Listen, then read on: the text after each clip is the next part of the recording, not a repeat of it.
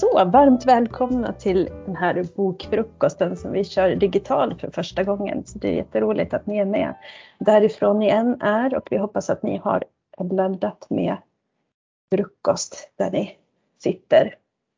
Eh, vi som ska prata idag, det är jag som heter Sara. Sen har vi Johanna och Niklas.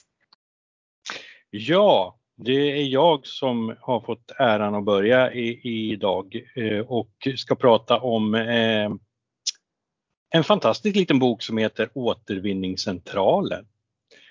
Eh, den är skriven av Ulrika Linder som är Förutom att hon arbetar på Återvinningscentralen i Örebro så är hon konstnär och tecknare. Hon har en eh, Instagram där hon lägger upp lite vardagsfunderingar kring sitt liv och leverne. Eh, men nu har hon alltså fått möjligheten att eh, skriva en, eller teckna och skriva en bok om sitt, sitt dagliga värv på återvinningscentralen. Och det är ju en alldeles fantastisk liten pärla som verkligen gör sig, tycker jag, eh, som, som eh, tecknad eh, berättelse och bok eftersom att eh, det, det, blir ju liksom lite det blir lite så här eh, informationsblad över det men på ett väldigt eh, väldigt skarpt sätt får man väl säga. Och, och jag tycker liksom det ligger verkligen i tiden att eh, att ta del av en sån här bok för man förstår ju att det kommer ju liksom inte eh, gå riktigt det här med, med våran överkonsumtion. Och det är inte så att den egentligen driver någon politisk linje sådär utan det, det, den, den helt enkelt eh, förklarar egentligen från grunden vad, vad, vad återvinning är och vad, vad vi hela tiden gör fel, vi som återvinner. För det är ju uppenbart att vi inte vet hur man, man gör. Vi kan inte det här trots att vi har många utav oss tror jag ändå här i Sverige fått med oss det i någon form av, om inte med modersmjölken så åtminstone ganska tidigt med kompostering och, och man har gått till återvinningscentraler med med allehanda glas och burkar och så vidare. Alltså den är jätteskarp berättad hennes utgångspunkt är att kunden har alltid fel. Kunden har alltid fel när det kommer till återvinning. Ehm, vi vet inte hur vi, vi, ska sortera, det slängs alltid fel. Vi tycker att, eh, att vi har all rätt att bara köra som vi vill eh, och, och handen på hjärtat. Jag tror att många utav oss som kanske ändå jag anser mig vara ganska duktig på att källsortera och återvinna men, men jag ska villigt erkänna att jag någon gång kanske också har tyckt att det kan väl kanske inte vara så, så noga. Här får vi liksom alla från att ja, men det ska väl liksom bara blandas i alla fall så jag kan väl göra som jag vill. Och, och eh, det, det är också så, så um, intressant. Hon driver det här liksom perspektivet att inför återvinningen är vi alla lika. Det spelar, spelar ingen roll om, om, om, du, om du har högskolepoäng, eh, om du är direktör eller om du är fotbollsspelare, elitidrottsman. Du ska, eh, du är ålagd att eh, källsortera dina sopor. Eh, så att eh, det här är en bok som jag förmodligen kommer att sticka folk eh, Ja, det här, jag ser det som att jag skulle kunna köpa 10-15 stycken och dela ut som presentbok för att den är smart, den är rolig, eh, den eh, är viktig skulle jag vilja säga. Eh, kanske en av ja, viktigaste böckerna på länge som jag har läst som, som så att säga ger, ger någonting. Det, det är inte så att den ger dåligt samvete utan den ger bara en kick att eh, vi kan väl i alla fall göra, göra det vi kan. Det är inte så svårt egentligen att, att, eh, att göra rätt när det kommer till det här. Så att jag, jag rekommenderar den varmt. Det är en, verkligen en bok som jag tycker ni ska kolla upp och eh, ja, köp, ge bort till vänner och bekanta som presentbok. Riktig sån där partypajare när man kommer. Liksom. Du som är så dålig på att sortera har jag hört. Ta den här nu. Så. Nej, men jag rekommenderar den varmt. Eh, jag tror eh, Visst hade du också läst den Sara så du nickar och tycker mm. att eh, det jag säger Eller, stämmer ja, ganska bra? Va? Absolut. Eh, det finns jättemånga passager som, som man sitter och skrattar. Eh, mm. Och jag tycker man skrattar mer än man, man, ja man blir också kanske liksom lite upprörd men det är ingen, den är inte liksom skuldbeläggande på något sätt utan jag, jag tycker jag känner att hennes, hennes liksom, det hon vill driva är helt enkelt Eh, förutom att berätta om, om sitt arbete och, och vad hon gör. Så just att vi skärper oss så kanske vi kan eh, få det lite bättre. Och ska man se det i ett vidare perspektiv eh, med, med miljö och klimat och översvämningar och liknande så, eh, så är det ju väl helt enkelt inte så svårt att göra det här tycker jag. Så Ulrika Blinder, Återvinningscentralen, en fantastisk bok tycker jag. Mm, och jag kan bara instämma, den är ja, verkligen bra. Jag har också en serieroman som heter Gå med mig runt till hörnet eh, av Anneli Furmark som kom förra året. Eh, och i den här serieromanen då så möter vi Elise som är 50 plus åldern. Eh, hon lever i ett stadigt, rejält äktenskap med sin man och vuxna barn. Men så på en vernissage så möter de Dagmar och de två attraheras direkt av varandra och förutom att de båda är upptagna så bor de också väldigt långt ifrån varandra. Men de håller kontakten, lär känna varandra lite snabbt och håller kontakten och börjar chatta med varandra på Messenger. Och så bestämmer de sig för att ses och Elisa hon reser till Dagmar. Eh, och de inleder ett förhållande som ju då sker på distans och det är inte helt enkelt och de är båda två i andra relationer som förstås påverkas. Eh, och Elise ställs inför en svår situation för att hon älskar sin Henrik och har ett långt äktenskap bakom sig med honom. Men hon vill väldigt gärna vara med Dagmar. Och sen visar det sig också att Henrik, hennes man, har en alldeles egen vilja att fatta beslut som inte inkluderar Elise. Han går en annan väg. Det här är en helt fantastisk eh, serieroman om att drabbas av den här stora oväntade passionen en bit in i livet. Och att våga ta ett steg som är jätteläskigt och okänt. Nu ser ni inte bilderna här då i boken, men hon, Anneli Furmark gör helt alltså, fantastiska bilder med färger på olika känslostämningar. Det är ganska mycket humor i den, fast ett allvarligt, allvarligt tema och den är indelad i olika kapitel. Så jag kan tänka mig att om man är en ovan serieläsare men vill testa att läsa en liksom serie, seriebok, en grafisk roman, så tänker jag att den här kan vara en bra start på det. För att den är väldigt mycket, det är mycket berättande i den som man känner igen sig från romanvärlden. Så det är ett starkt tips. Nu ska vi se, jag fortsätter en stund här för jag har av någon anledning, jag vet inte om det är OS eller något annat, så har jag hamnat lite i Japan när jag har läst senaste tiden. Eh, och den första då det är en liten tegelsten, Persinko av Minjin Lee som är utgiven 2020 på svenska. Eh, och det här är en släkthistoria som kom då, ja, förra året precis. Och jag gillar särskilt det här vackra omslaget men historien i boken är inte fullt så här blommig. Den handlar om en koreansk familj som i början av 1900-talet lever i södra Korea och det här är ju en tid innan liksom Nord och Sydkorea. Början på 1900-talet och familjen kommer sedan att hamna just i Japan. Och Korea är också vid den här tiden ockuperat av Japan. Så det är mycket liksom relationer mellan länderna som inte är helt enkla. Romanen följer Sunja som växer upp i en liten fiskeby efter att hennes pappa dött så driver hon ett litet pensionat tillsammans med sin mamma. En dag möter hon Hansu och han är en förmögen äldre man.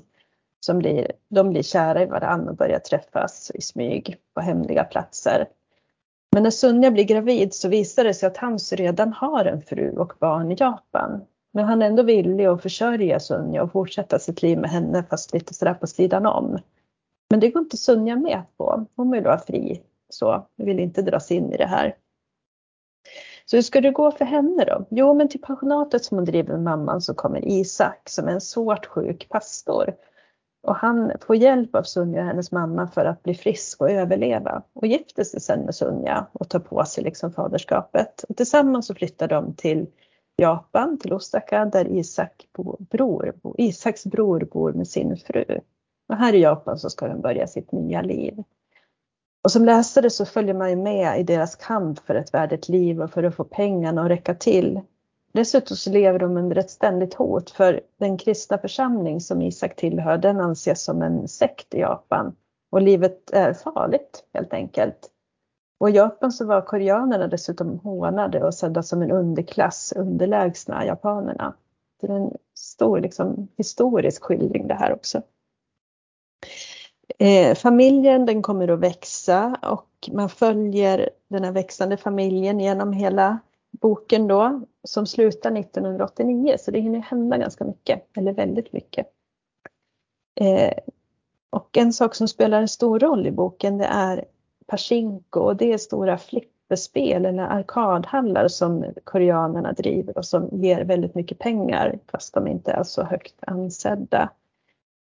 Eh, det här är en väldigt stark roman om ett ämne som jag hade jättedålig koll på, det här med liksom Korea och Japan och författaren väver in familjen i det här historiska sammanhanget. Men det är ändå liksom de man följer, det är den här släkten och växande familjen man följer på ett väldigt fint sätt.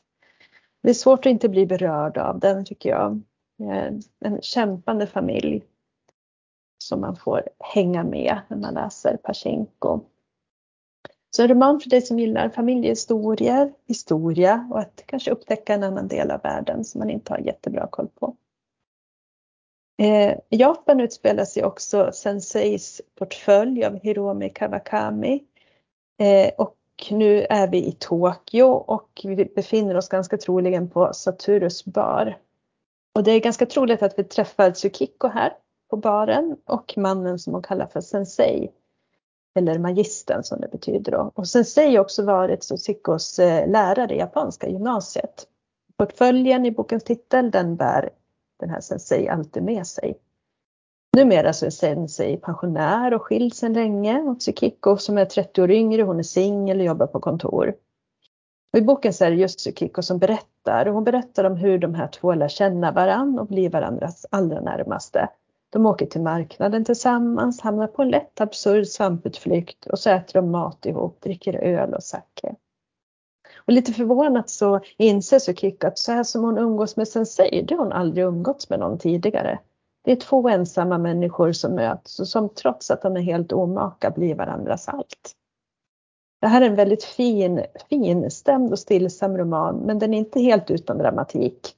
Och det gjorde mig väldigt sugen på att äta japansk mat och då annan mat kanske än sushi. Den här boken den kom redan 2001 ut i Japan och i år här på svenska då. Och det är en succéroman i hemlandet som också har blivit film. Sen har jag min tredje här, Memorial av Brian Washington, en sprillans ny roman som jag läste på semestern här. Benson och Mike de är partners och bor i Memorial i Houston, Texas. Och när Mike får besked om att hans pappa är döende så bestämmer han sig för att åka till honom, till Osaka i Japan. Trots att han inte haft någon relation med pappan på flera år. Till saken hör också att Mikes mamma, som då är skild från pappan, precis samtidigt är på väg till USA från Japan för att hälsa på hos Mike och Benson. Och Benson har de aldrig träffat innan. Så Mike han åker till sin pappa i Japan och mamman hon kommer till USA och flyttar in i lägenheten hos Benson som ju är kvar där. Och I bokens första del så är det just Benson och Mikes mamma som man möter. De har ju inget gemensamt alls, de har ingenting att prata om, knappt att de delar språket liksom. Men de möts på något sätt i matlagningen. Och man förstår att även Benson har en väldigt strulig relation till sin familj och föräldrar och syskon och så. Och sen förstår man också allt eftersom att inte heller relationen mellan Mike och Benson är särskilt enkel. I bokens andra halva så följer man Mike och han är då hos sin pappa i Japan och pappan han driver en bar som Mike dras in i. Och samtidigt så ska han försöka ta hand om sin svårt sjuka pappa som han ju då har en helt usel relation till. Men som händer, de här två männen, Mike och Benson, det påverkar ju deras relation till varandra också. Och det visar sig att de har ju en hel del outtalat som de behöver prata om, om man säger så. Det här är en jättefin roman tycker jag om kärlek, gemenskap, avstånd, om att våga välja, om att vara barn till en äldre förälder, om att vara del i en familj, även om den visar sig vara helt dysfunktionell.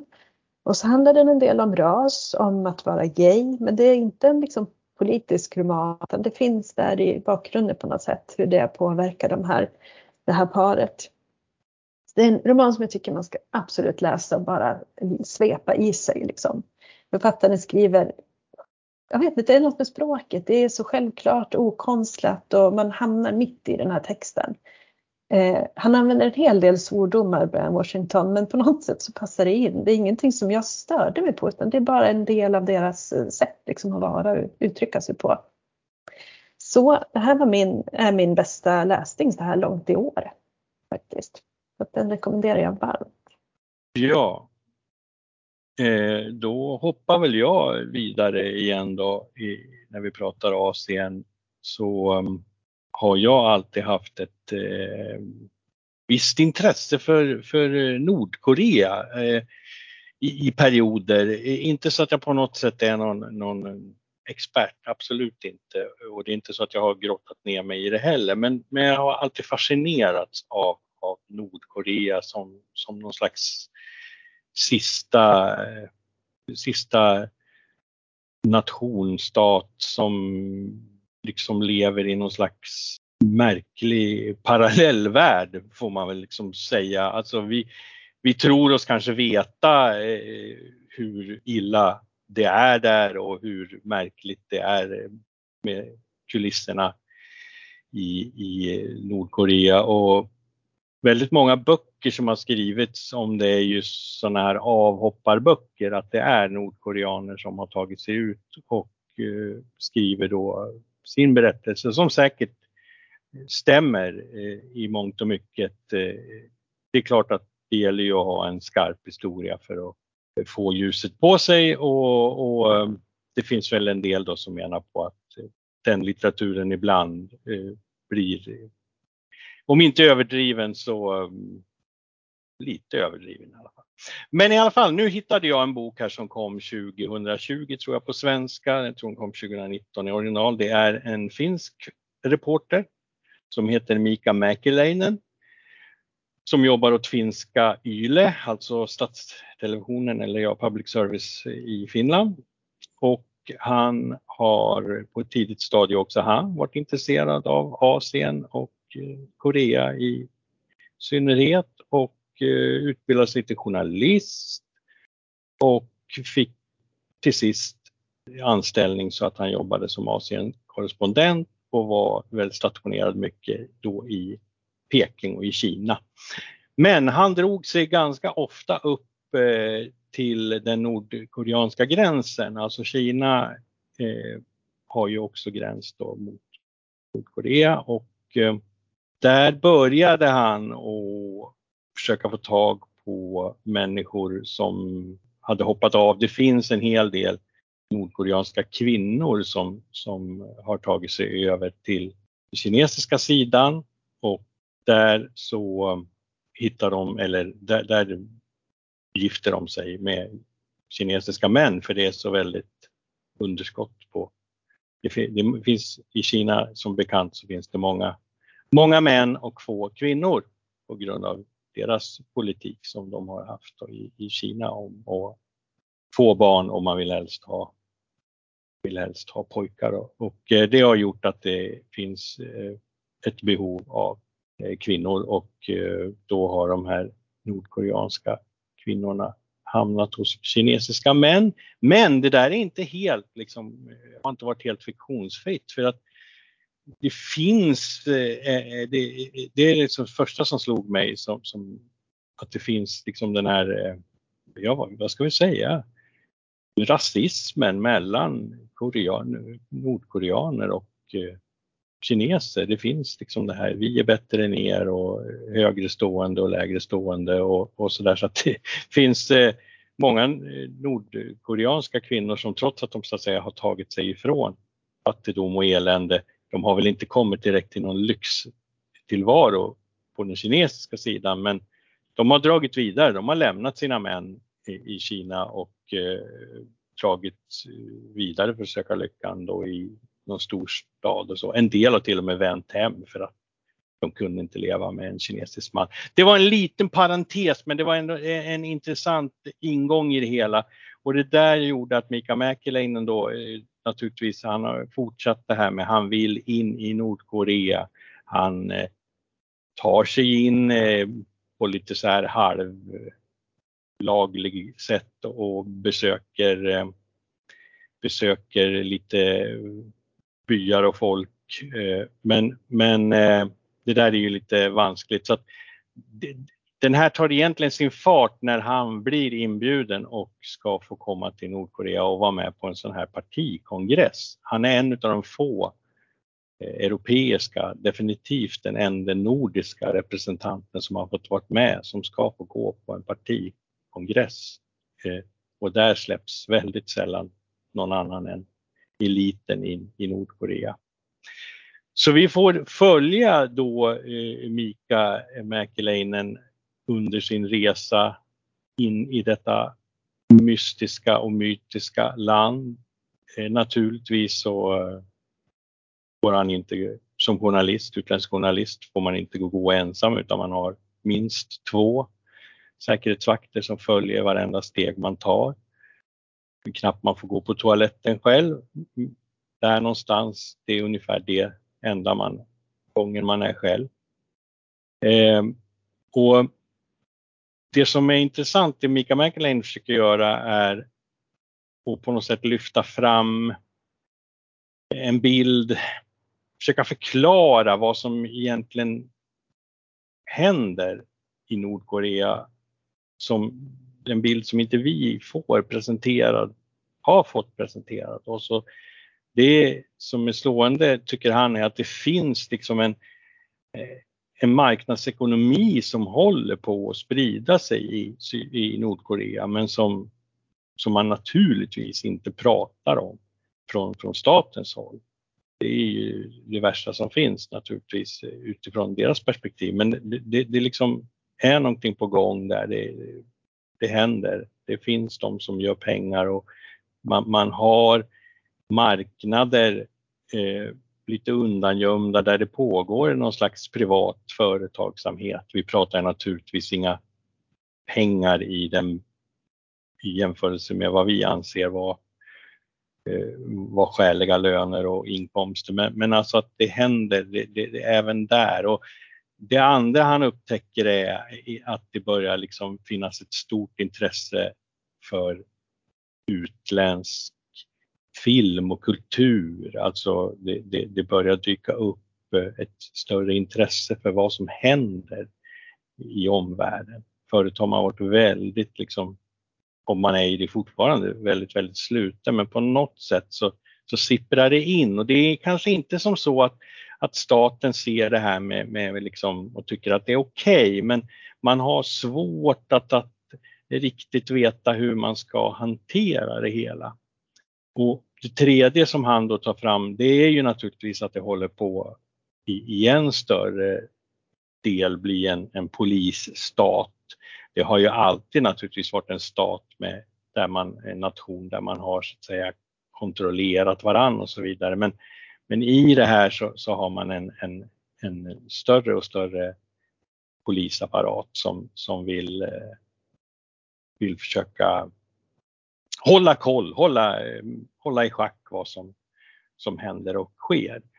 Och det, det som också är, är talande för vi får naturligtvis de här bilderna att man är, när han åker in i huvudstaden så, så åker han genom en, en triumfbåge som är en kopia av triumfbågen i, i Frankrike, i Paris, men den är naturligtvis mycket, mycket större, högre.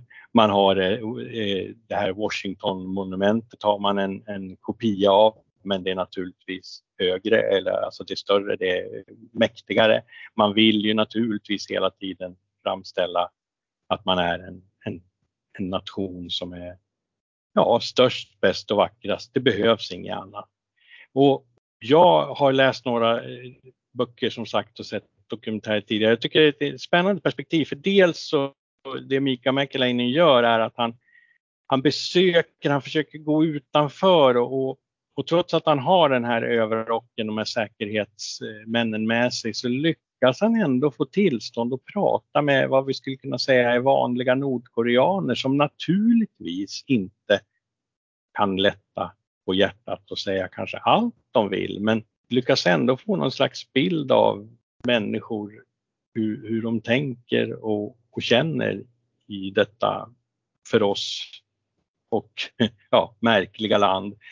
Och, och, jag tycker han kommer väldigt nära när han pratar med, med de här människorna. Eh, just att de är ju uppväxt i det här och, och det, det, är liksom svårt för dem att se något annat när de aldrig har fått sett något annat heller. Så att det, det är liksom, ja det, det, det, blir väldigt, man kommer väldigt nära eh, människor tycker jag. Och, och, det tycker jag är imponerande att han liksom kan ha fått komma nära och faktiskt ge någon slags eh, bild av, av människorna och inte bara, bara något som, ja men det är, det är inte bara figurer utan det är människor av kött och blod. Och, och, och, eh, vi får naturligtvis en historisk exposé också om Korea och hela Juche, eh, den här liksom nationella ideologin man har. Och, och ska man läsa en bok om Nordkorea så, så ska man nog försöka fånga upp den här boken för att eh, man, man, får både, man får både då och nu men, men det som är intressant är ju så att säga vad, vad, vad kommer att kunna hända med, med Nordkorea? Finns det någon liksom Kommer muren att rämna som den gjorde 89? Kommer vi att få någon arabisk vår fast eh, får vi någon nordkoreansk vår? Uh, det, det, är han lite tveksam till för att eh, det, det kommer ta lång tid för det måste på något sätt förändras inifrån. Och även om man ser de här förändringarna så känner han samtidigt någon slags tröstlöshet att det liksom det blir, det kommer att bli väldigt, väldigt svårt att nå någon, någon, något nytt Nordkorea. Vi har ju den här drömmen om att nord och syd ska bli ett igen men det, Nordkorea lever fortfarande i drömmen om att det, att det är de som ska eh, vara liksom vara mallen, att det är Sydkorea som ska in i Nordkorea så att säga, eller alltså ta del av deras. Det finns liksom ingen, finns liksom ingen eh, dröm om att det ska liksom kunna jämkas på något sätt. Och, och han tar också upp det väldigt viktiga eh, med att Nordkorea har ju då kärnvapen och att man förklarar det på ett bra sätt. Varför de har det och att det är det som så att säga gör att de håller sig på sin egen kant att det är svårt för omvärlden att, att göra något, något större interventions, ingripande i Nordkorea så länge de här vapnen finns och ledarna egentligen kan trycka på den här knappen för att de skulle nog trycka på knappen helt enkelt. Så Kim Landia som naturligtvis då är en liten eh, ordlek med Finlandia eh, om, om jag ska förklara det obvious i det hela. En jättebra bok. Eh, glad att jag hittade den. Tack! Ja, när vi ändå rör oss runt i Asien så tänkte jag tipsa om Rein Lundströms vegetariska kokbok Det gröna Asien. Eh, så det kan ju passa dig Sara tänkte jag nu som var sugen på japansk mat för det kan man hitta i den här om man är sugen på det.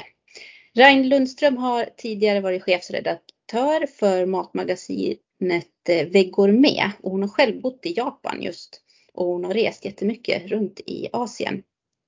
Och den här boken den är späckad med jättespännande och smaskiga recept från olika delar av Asien och eh, hon har delat in då boken i eh, avsnitt utifrån eh, länder. Den har ingående förklaringar, så det är ganska långa förklaringar och vissa ingredienser kan vara lite svåra att få tag på men i många av recepten så har hon då ändå alternativ som man kan använda istället för de här lite annorlunda ingredienserna som vi inte är så vana vid. Och så finns det också en jättebra genomgång i, i slutet av boken vad de olika ingredienserna är för någonting om man inte vet vad det är. Det är inte några snabbmatsrecept, men de är inte heller jättekrångliga att göra. Så är man ändå någorlunda medelmåtta matlagningskunnig så ska man nog klara av de här recepten. Och sen har man också en jättebra hjälp av registret i bak när man kanske behöver ytterligare förklaringar till någonting. För det kan ju vara lite, lite ord som man inte riktigt är van vid och sådär. Så då, ja, men då vill jag rekommendera den här om man vill ha, äta lite asiatiskt och dessutom grönt. Men sen kanske man vill ha lite efterrätt också, asiatisk efterrätt. Och då tycker jag att man kan eh, utgå ifrån den här boken som heter Baka kavaj. Och det är som en karamell i sig, hela boken. Man blir nästan sugen på att äta upp boken. För ett par år sedan så kom Ai Ventura ut med boken Japanska bakverk och sen nu i år så kom den här boken Baka kavaj ut. Ordet kawaii är japanska och det betyder ungefär som gullig eller söt. Och den här boken innehåller helt otroliga färgglada och härliga kreativa bakverk och desserter och drycker också. Så är man sugen på en asiatisk, asiatisk dessert så är den här boken perfekt. Och den har enkla steg för steg beskrivningar och i början av boken så finns det också förklaringar till en del ingredienser som kanske är lite ovanliga här i Sverige. Så det är en härligt färgsprakande och annorlunda receptsamling med varierande svårighetsgrad på recepten. Ett exempel jag kan ta, jag tänkte jag skulle visa men det syns nog inte så bra i den där lilla rutan. Men det är i alla fall eh, katter som ligger på en sandstrand. Och de här katterna är gjorda i något som kallas för dangodeg som görs av rismjöl, socker och vatten. Och så lägger man de här katterna på en ätbar strand. Sen om det här verkligen är gott, det låter jag vara osagt. Men det är väldigt gulligt i alla fall. Vi stannar kvar i delvis i Asien en liten stund till. Så mitt nästa tips det är Blodskam av Caroline Engvall. Och det är den första delen i en planerad serie. Den handlar om Elisabeth som åker till Thailand på semester över julen tillsammans med sin familj och sin mamma och sin syster Sofia och Sofias familj. Det har varit en ganska tuff tid för Elisabeth. Hon har brottats mycket med mörka tankar. Hon har känt sig orolig och hon har haft problem i sin relation med sin man. Så den här resan kommer väldigt lägligt. Hon behöver verkligen den och komma bort lite. Men eh, det här resan blir ju inte alls den avkoppling som hon hade tänkt sig. För väl på plats i Thailand så försvinner plötsligt systern Sofia. Och hon hittas ganska snart död i vattnet intill stranden. Och i och med systerns död så kommer det förflutna i kapp också. Något som har hänt i barndomen hemma i Ormvattnet där systrarna växte upp. Och familjehemligheter kommer upp till ytan. Och berättelsen växlar mellan dåtid och nutid och mellan Ormvattnet, Thailand och Stockholm där de bor nu. Det här är lite utav ett mysterium men framförallt så handlar det om eh, familjeband och hemligheter och skuld och skam. En mycket bra bok. Ja.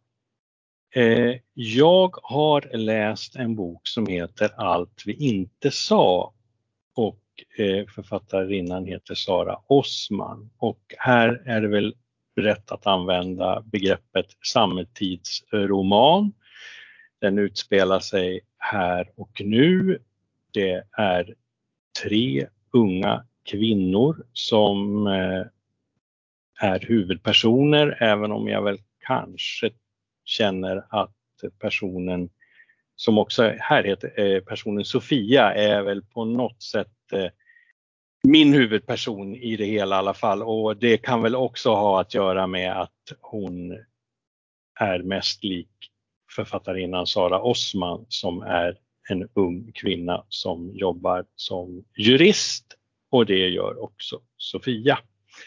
Och Sara slash Sofia här är, är om jag har förstått det rätt båda av eh, har somaliskt ursprung.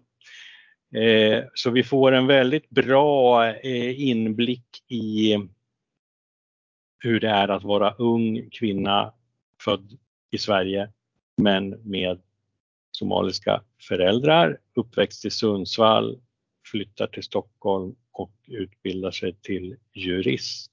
Hon får också med sig, eh, och nu är vi inne i boken igen, alltså eh, Sofia får med sig sin eh, kompis från Sundsvall eller som också flyttar till Stockholm som heter Amanda som är en eh, som har väl fest tryckt på sin eh, visitkort, en riktig party girl.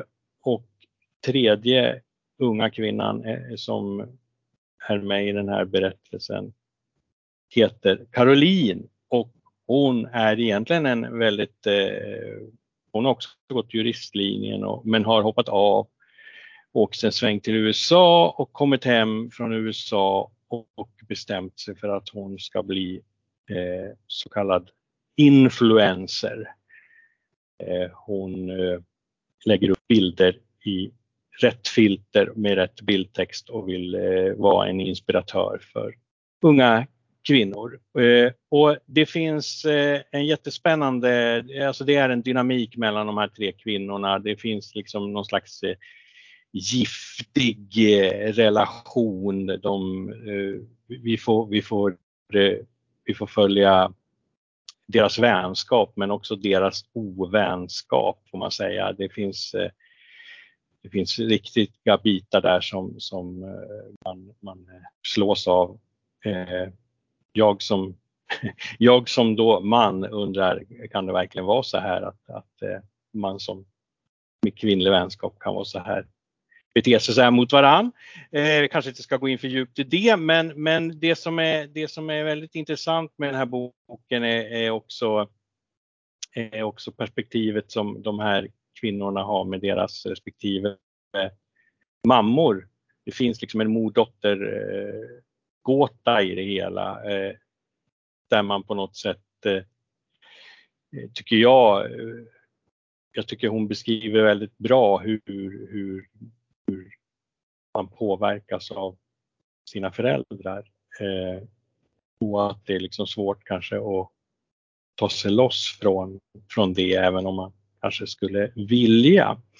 Eh, det är ju jätte, jätte, en del har kallat boken för satir såg jag, men det, det tycker jag är fel ord för det, det, det, det ska inte jag vilja säga utan jag tycker det är liksom en rak, rå beskrivning av Eh, att vara eh, ung människa i, i ett hetsigt Stockholm där man ska göra någon form av karriär. Åtminstone är det så Sara Osman beskriver det och det här är inga trevliga personer någon utav dem. Alltså det, det är inga huvudpersoner som man får någon slags sympati för utan det, det är många gånger ganska liksom hemska människor och, och, det där kan ju bli lite svårt att förhålla sig till kanske och beroende på hur, vad man gillar för typ av litteratur. Men, men det finns liksom ingen som man direkt känner att man har någon som helst sympati för samtidigt som man naturligtvis eh, blir väldigt intresserad av och se hur, hur, hela den här resan ska gå.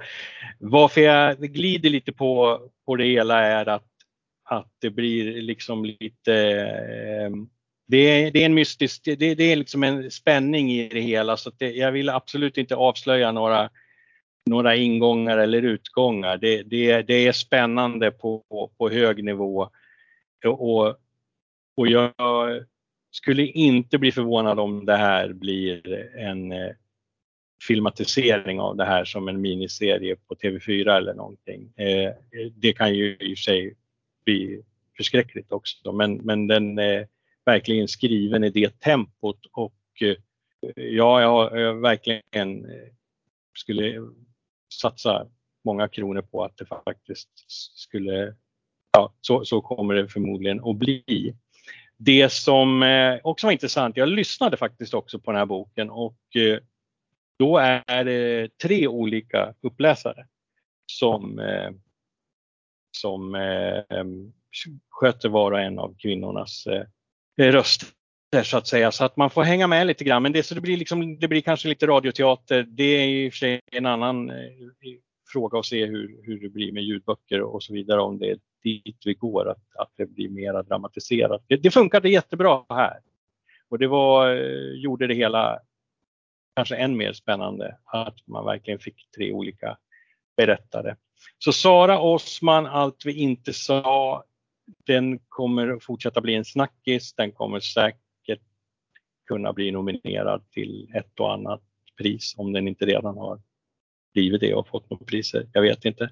Men eh, riktigt, riktigt bra. Jag eh, gillade den här biten om ung somalisk kvinna och hur man blir bemött. Men också den här frustrationen av att vara ung somalisk kvinna fast lika mycket ung svensk kvinna.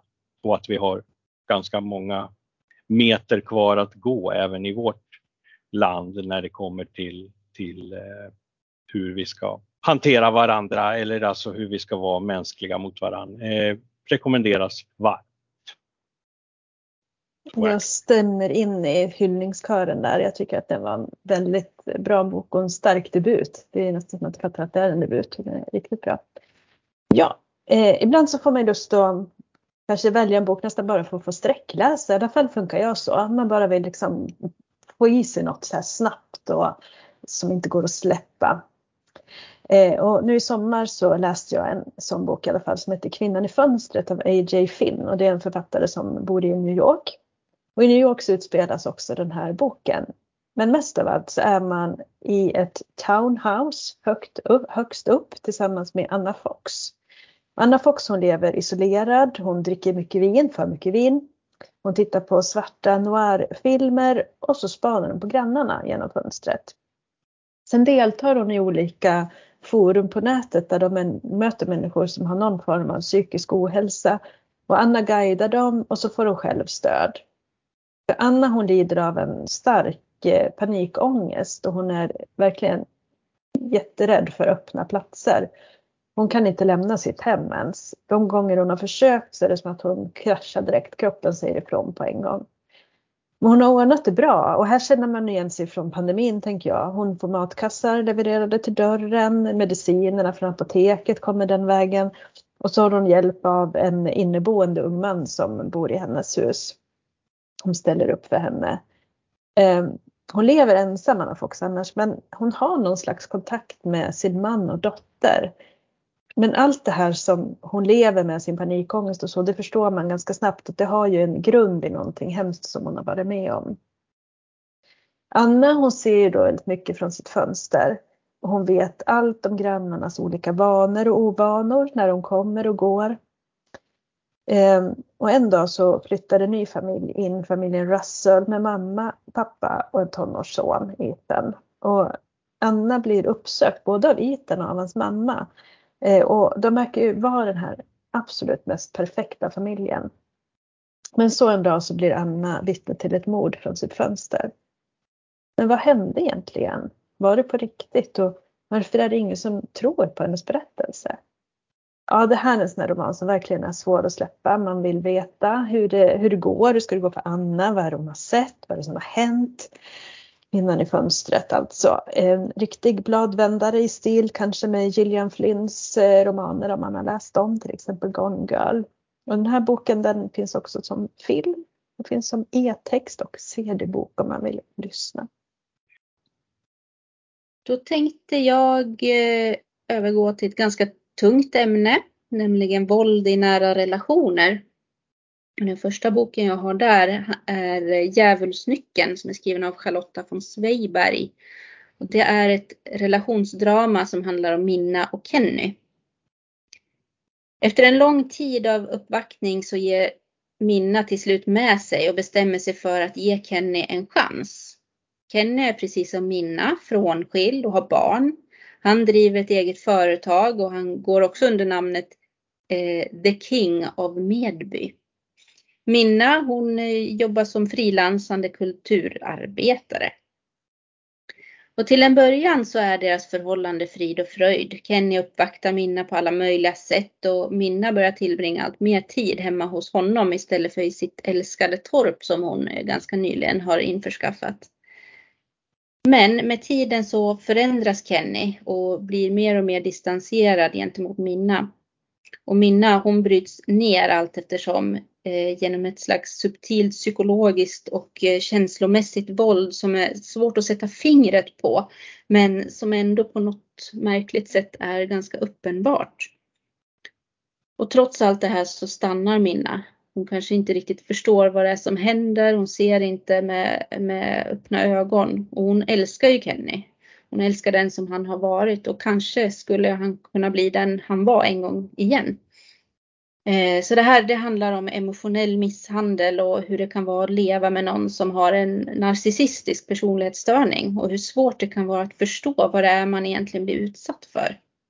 Och jag tycker att hon, Charlotta von Zweigbergk, hon har verkligen fångat in det här som är så svårt att sätta ord på när man vet att det är något som är fel. Men man kan inte sätta fingret på vad det faktiskt är. Ändå så lyckas hon faktiskt göra precis det i den här boken. Nästa bok som också handlar om, om våld i nära relationer. Det är eh, Inte alla män av Veronica Palm. Men där är det mer om det fysiska våldet. Veronica Palm kanske ni känner igen sedan tidigare som eh, politiker. Men hon har även skrivit ett par böcker. Så 2018 så kom hon ut med boken Systerskap som är en feministisk idébok. Och nu i år så kom den här första skönlitterära boken ut som heter Inte alla män. Boken utspelar sig delvis i den politiska miljön där en av huvudkaraktärerna Emilia sitter i riksdagen. Hon är frånskild och kämpar med livet som varannan vecka förälder i förorten samtidigt som hon ska klara av eh, pendlandet in till Stockholm för sitt politiska uppdrag. I riksdagen finner vi också den oerhört karismatiske toppolitikern Nils Engbom. Han är social och charmig och vältalig och han är gift med Josefin som är en gammal barndomsvän till Emilia. Men eh, de har med tiden glidit ifrån varandra så de umgås inte längre. Emilia, hon ägnar sitt liv åt att försöka vara den perfekta frun åt Nils och skickligt så döljer hon sina blåmärken som han orsakar henne när hon inte lyckas med det. Men en dag så springer Emilia och Josefin på varandra i Stockholm och då uppdagas då eh, Josefins hemlighet. Så det här är en bok om män som slår och om kvinnor som gör allt de kan för att dölja det. En hemsk bok men väldigt bra. Ja, jag eh, har eh, upptäckt ett författarskap som jag har blivit, jag har blivit väldigt förtjust i henne, Maggie O'Farrell. Hon kom ju förra året med Hamnet som handlar om Shakespeare och inte minst om hans tid innan han blev liksom den stora, stora författaren, den stora Shakespeare. Eh, det här är två lite äldre böcker. Eh, den ena till vänster där, Jag är, jag är, jag är, ett hjärtslag från döden. Det är en ganska annorlunda biografi.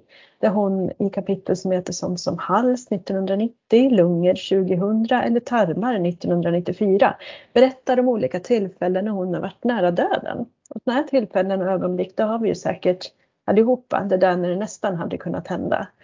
Eh, och Maggie Farrell hon berättar om badet i havet, om den stora vågen som hade kunnat svepa med henne och avsluta hennes liv, om flygplanet som plötsligt tappar höjd och utlöser, utlöser panik bland alla passagerarna. Och det är hemska stunder förstås.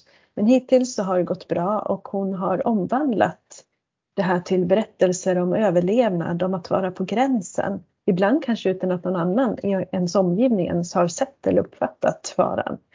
Eh, det är korta historier som förmedlar hopp och livsglädje och livskraft. Och samtidigt så får man ju lära känna författaren och jag insåg ju hur mycket hon tar med sig av det hon berättar av sitt eget liv i sina romaner. Och ett exempel på det, det är i den här som heter Det måste vara här. Ehm, där en av, eller en av personerna, en pojke i boken som stammar och det har även författaren själv eh, erfarenhet av att. Och jag ska inte säga så mycket mer om den här Det måste vara det här. För mig var det en av sommarens höjdpunkter. En riktig så roman. Om man vill ha riktigt bra roman, roman så tänker jag att man ska läsa den. Så bara ett så författarskap som jag vill flagga lite extra för. Ja men precis. Nu ska vi ut och resa lite i tiden tänkte jag. Eh, fem år senare är den första av Rebecca Searles böcker som har översatts till svenska. Och det här är en riktig bladvändare tycker jag. Den är lätt att läsa, den är inte lättläst men lätt att läsa och en sån här som man bara kommer in i och bara vill fortsätta tills den tar slut. Den handlar om Danny som är en framgångsrik advokat i New York som en dag plötsligt vaknar upp i en främmande lägenhet fem år in i framtiden. På fingret så har hon en ring och i rummet så ser hon en man som inte är hennes och som hon aldrig har sett förut. Danny förstår verkligen ingenting vad det är som händer. Men efter en stund så vaknar Danny upp igen och då är hon plötsligt tillbaka i nutiden med en jättekonstig känsla över vad det var som hände. Det var ju inte någon riktig vanlig dröm som hon hade hon försöker skaka av sig den här märkliga upplevelsen i alla fall och livet går på som vanligt tillsammans med den fästman som hon faktiskt har och med jobbet som advokat och med vänner och sådär. Och det här eh, rullar på, det rullar på bra i fyra och ett halvt år. Eh, men då en dag blir hon plötsligt presenterad för sin bästa väns nya pojkvän. Och det är ju inte vilken man som helst det här utan det visar sig ju vara han som hon eh, hade där fem, sett som hon träffade fem år in i framtiden för fyra och ett halvt år sedan. Så hon förstår ju nu att hon har sex månader på sig att förhindra en katastrof som skulle innebära både slutet för henne och hennes relation till pojkvännen och slutet på hennes vänskap med bästa vännen Bella. Och den här boken den är härlig, den är rolig, den är väldigt sorglig faktiskt. En hel del sorg i den och den är väldigt oförutsägbar. Så den vill jag rekommendera. Jag tänkte just det när vi är inne på tidsresor så tycker jag den här boken är ganska intressant. Korta svar på svåra frågor av Stephen Hawking. Och den här boken svarar ju lite grann på om det faktiskt skulle kunna vara möjligt att eh, resetiden. Eller den ger inte svar för det finns väl inte något exakt svar på det egentligen. Men Stephen Hawking ger i alla fall sin uppfattning om om det skulle kunna vara möjligt. Hawkins gick ju bort i ALS 2018 och han hade ett privatarkiv där han sparade olika material som till exempel intervjuer han deltagit i, essäer och svar på frågor han har fått. Och det här arkivet blev grunden för den här boken som var under arbete när han dog och är utgiven postumt. Eh, Inledningsvis så får vi en kort bakgrund till Hawkings liv, uppväxten, kärleken, sjukdomen och hans förhållande till vetenskapen. Och sen följer olika avsnitt med existentiella frågor och Hawkings svar på de här frågorna. Och det handlar om allt möjligt, bland annat om, om Gud finns, om artificiell intelligens skulle kunna övertrumfa vår egen intelligens och just om tidsresor skulle vara möjliga. Och svaren har sin grund i modern fysik men också i Hawkings egna föreställningar kring naturvetenskap, filosofi och religion.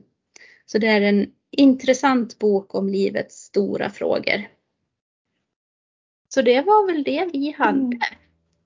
Men eh, då är det bara att sätta igång och reservera böcker nu då och hoppas att ni har hittat någonting som kan, kan falla i smaken så får vi tacka för oss. Mm, tack så mycket.